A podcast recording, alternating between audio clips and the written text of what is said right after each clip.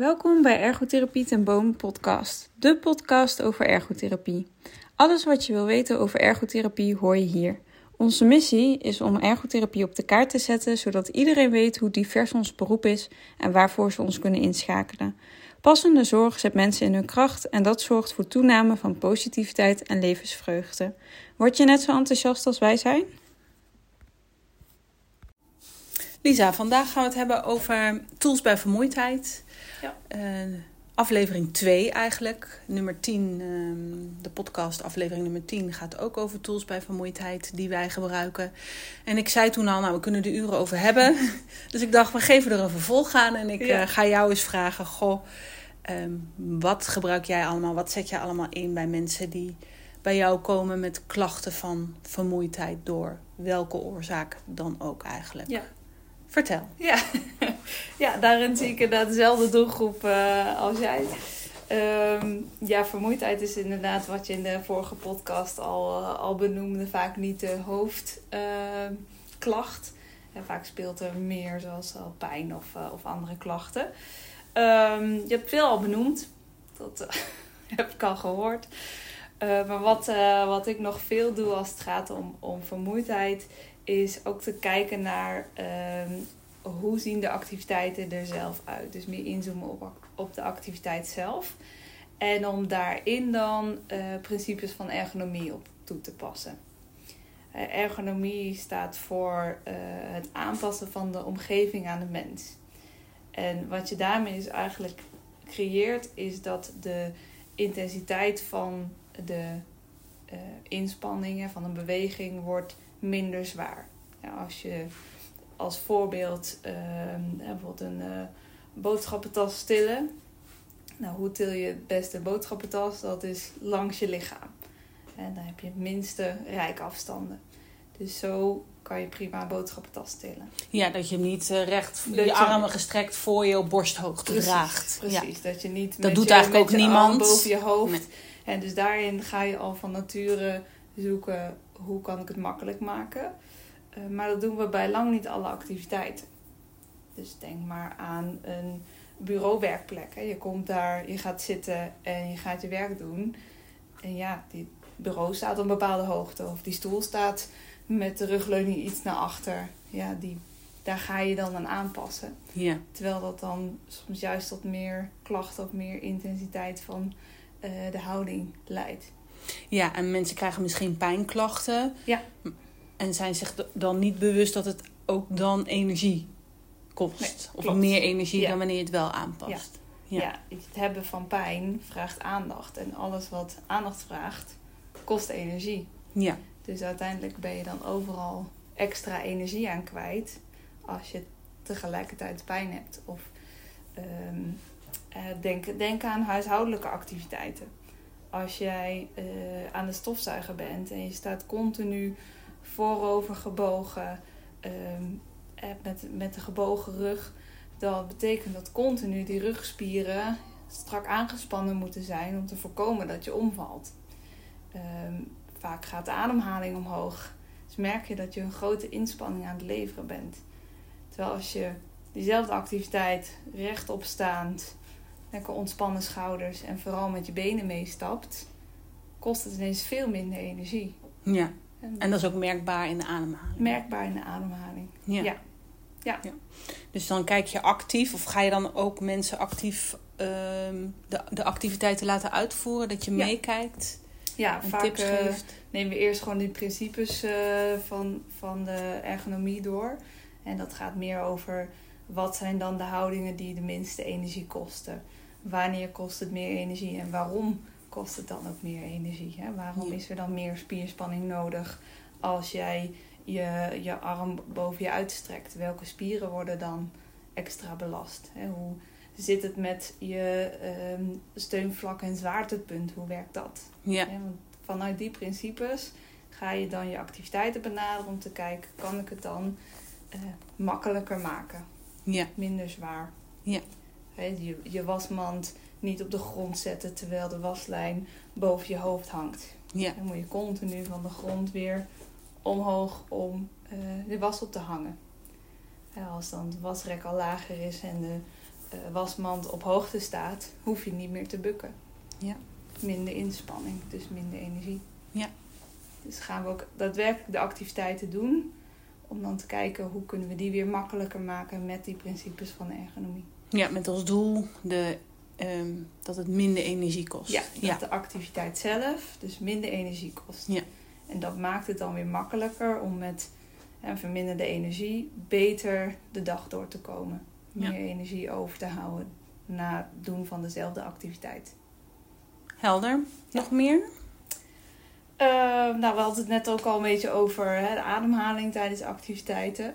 Ehm, de inspanning waarmee je iets doet is ook bepalend voor hoeveel energie dat kost. En denk aan eh, wandelen of hardlopen. Ja, bij welke word je het snelste moe? Ja, dus als je een hoger tempo aan gaat houden. Dus daarbij adviseer ik altijd om het tempo aan te passen aan je ademhaling en niet andersom. Daarmee hou je dus de inspanning lager, waardoor het weer minder energie kost. Ja, dus als je... Maar goed, bij hardlopen, dat willen mensen, hè. Dat mag ook inspanning kosten. Ja. Maar dan, dan ehm, zie je dat ook terug in andere activiteiten. Als we dan bijvoorbeeld hebben over stofzuigen. Ja, bij, bij hardlopen is het, is het, en daarom gebruik ik dat vaak als voorbeeld, is het heel duidelijk. Natuurlijk, als Ja, je harder loopt, gaat dat meer energie kosten. ja, en gaat je ademhaling omhoog. Precies. En Ja. dan ben je bewust die activiteit aan het doen. Eh, vaak zit het in andere activiteiten onbewust. Merk je pas als je bovenaan de trap staat, dat je dan even op adem moet komen. Ja, Ja, en wat voor een tempo heb je dan die trap opgelopen? ja, En vaak doe je dan niet bewust alleen traplopen. Nee, dan loop je even naar zolder om de wasmand te pakken. Of eh, moet je even naar boven om, eh nou, doe maar wat te doen. Dus dan is het vaak ingepakt in een ander doel. Waardoor het, de aandacht minder gaat naar hoe doe ik de dingen en wat is het tempo waarin ik het doe. ja even, het woordje even wordt veel gebruikt. Ja. Even iets Ja. doen suggereert al dat het tempo hoog is. Ja, Waardoor de ademhaling ook hoog is. Ja. En, en dat betekent dat het meer energie kost. Ja. ja, hoe hoger de inspanning, hoe meer spierkracht, hoe meer energie het vraagt. Ja. En jouw tip is dan eigenlijk: hou je, ehm, be- ben je bewust van je ademhaling en pas daar het tempo van handelen Ja. op aan. Ja, precies. Ja. Dus meer bewust gaan doen. Ja. Ja. En dat betekent niet dat mensen super sloom hoeven te worden, toch? Nee. Tenminste, dat, die, die associatie heb ik dan. Zo van ja, dan. eh, Vaak als mensen dat denken, dan weten ze al van zichzelf dat ze op een te hoog tempo aan het functioneren zijn. ja. En vaak als, als dat inderdaad het antwoord is, dan Ja. hebben ze al wel door van oké, als ik het dus moet aanpassen aan mijn ademhaling, dan moet ik het tempo dus flink gaan verlagen. Ja. ja, ik heb laatst ook een cliënt die eh, geadviseerd: ga nou eens in plaats van die 110% dat jij iets invliegt hè, op je werk bijvoorbeeld. Ja. Ehm gaat, doe het eens met 90% of 80%. En je zal zien dat je hetzelfde resultaat had en dat andere mensen eigenlijk niet eens aan jou merken eh, dat jouw tempo veranderd is. Ja. En zij merkte echt dat ze meer energie overhield. eh, ze is aan het opbouwen in het werk, maar dat ze na een paar uur werken echt meer energie overhield door het, door het heel bewust eh, ja, voor, Ja. ja, voor je gevoel traag te doen. Ja. Ja. Ja. en dan zie je ook dat wat het effect is van dit soort maatregelen. Je krijgt natuurlijk niet per se meer energie van. Nee. Je, je hebt niet ineens een hogere belastbaarheid, of, maar dingen worden makkelijker. Ja. En je Ja. kan soms dan meer activiteiten in de dag stoppen, zonder dat die batterij verder leeg is. Ja, precies. Je kan beter je balans dan herstellen. ja, ja, Ja. precies. Ja. En het klopt wat je zegt, hè, dat het van, vaak pas achteraf denk oh, het had helemaal niet gehoeven op die eh, 110% of hè, de omgeving merkt dat niet. Nee. Nee. Nee, ik maak ook wel eens de vergelijking met eh, ja, als je 110 rijdt op de snelweg.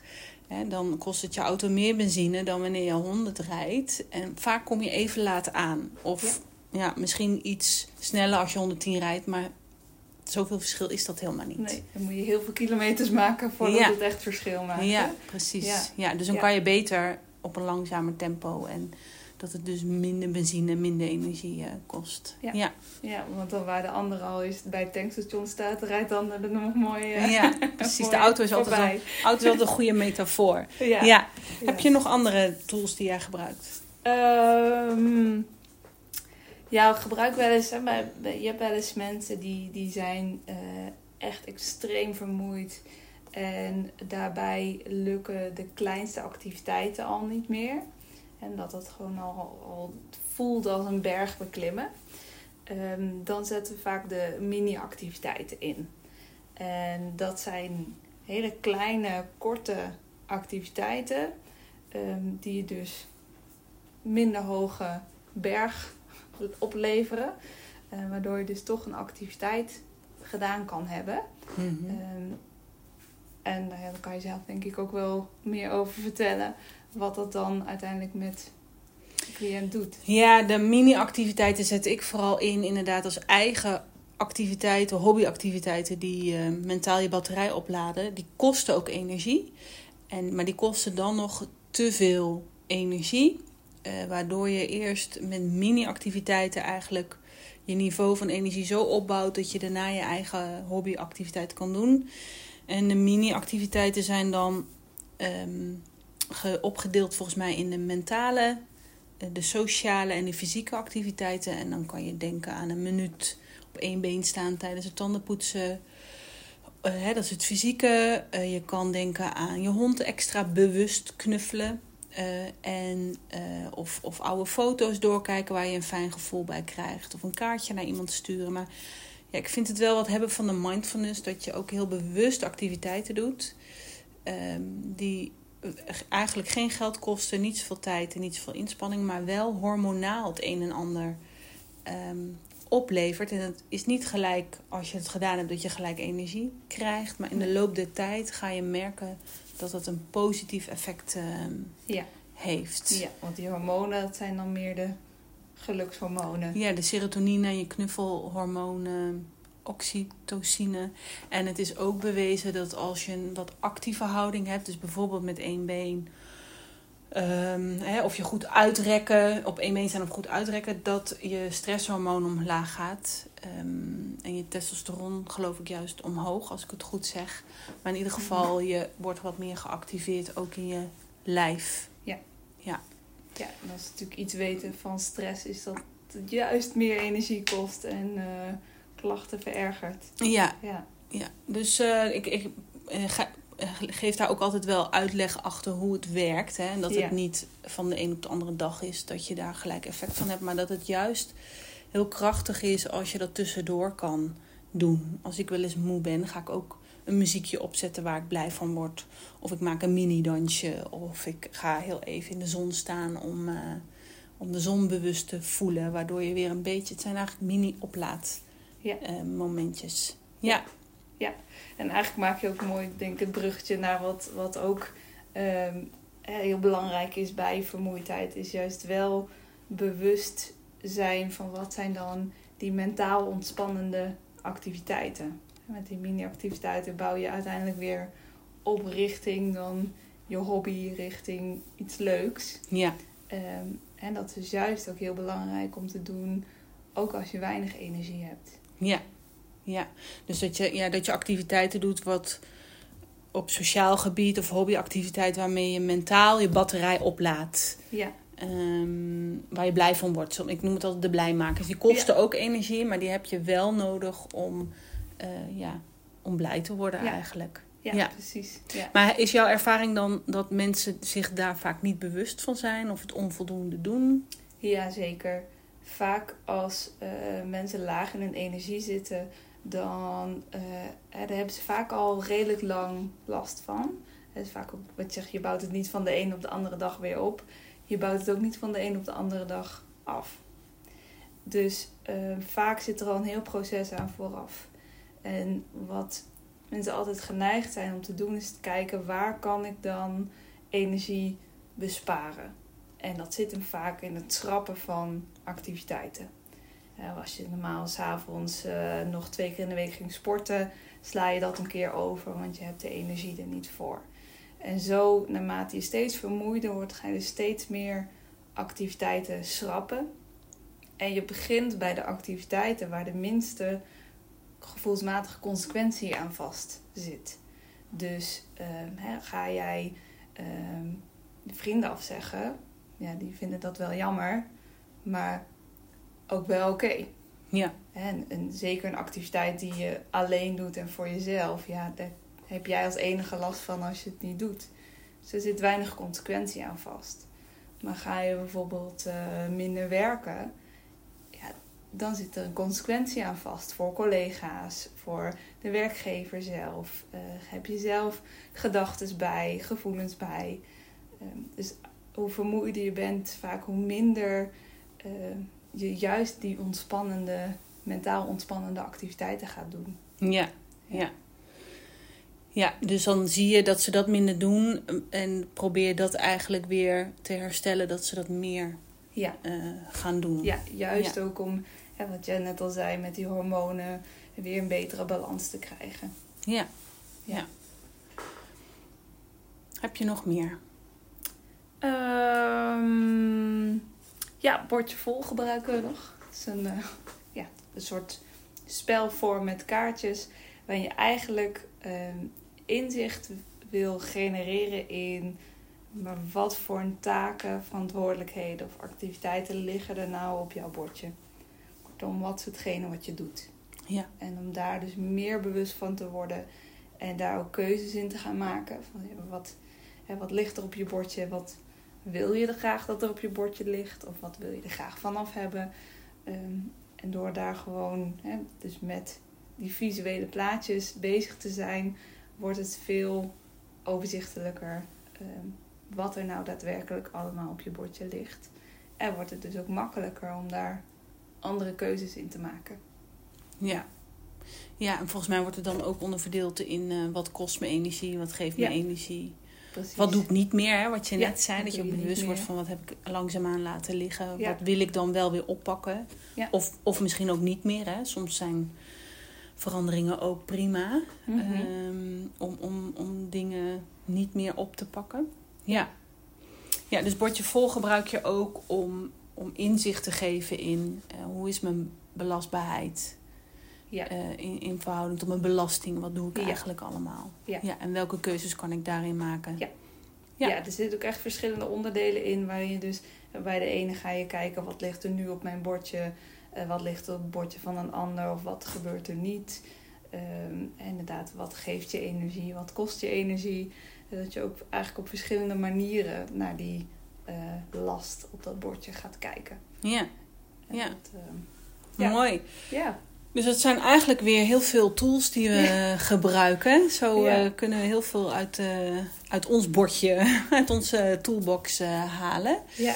Ehm, nou, vorige keer sloten we eigenlijk ook af van heb je nou een tip wat iemand gelijk kan toepassen? Eh, als degene die luistert heel erg vermoeid is, heb jij, heb jij een tip? Eh, mijn, mijn beste tip is, is pas je tempo aan aan de ademhaling. Dat is echt wel degene die vaak het minst belicht wordt, maar wel eh, met een kleine aanpassing een heel groot effect kan hebben. Dus heb je eigenlijk heel snel al wat winst mee geboekt. Mooi, dankjewel. Alsjeblieft. Bedankt voor het luisteren. Laat ons weten wat je van deze podcast vond en laat een review achter. Volgen en delen helpt ons om ergotherapie op de kaart te zetten. Daar worden wij blij van.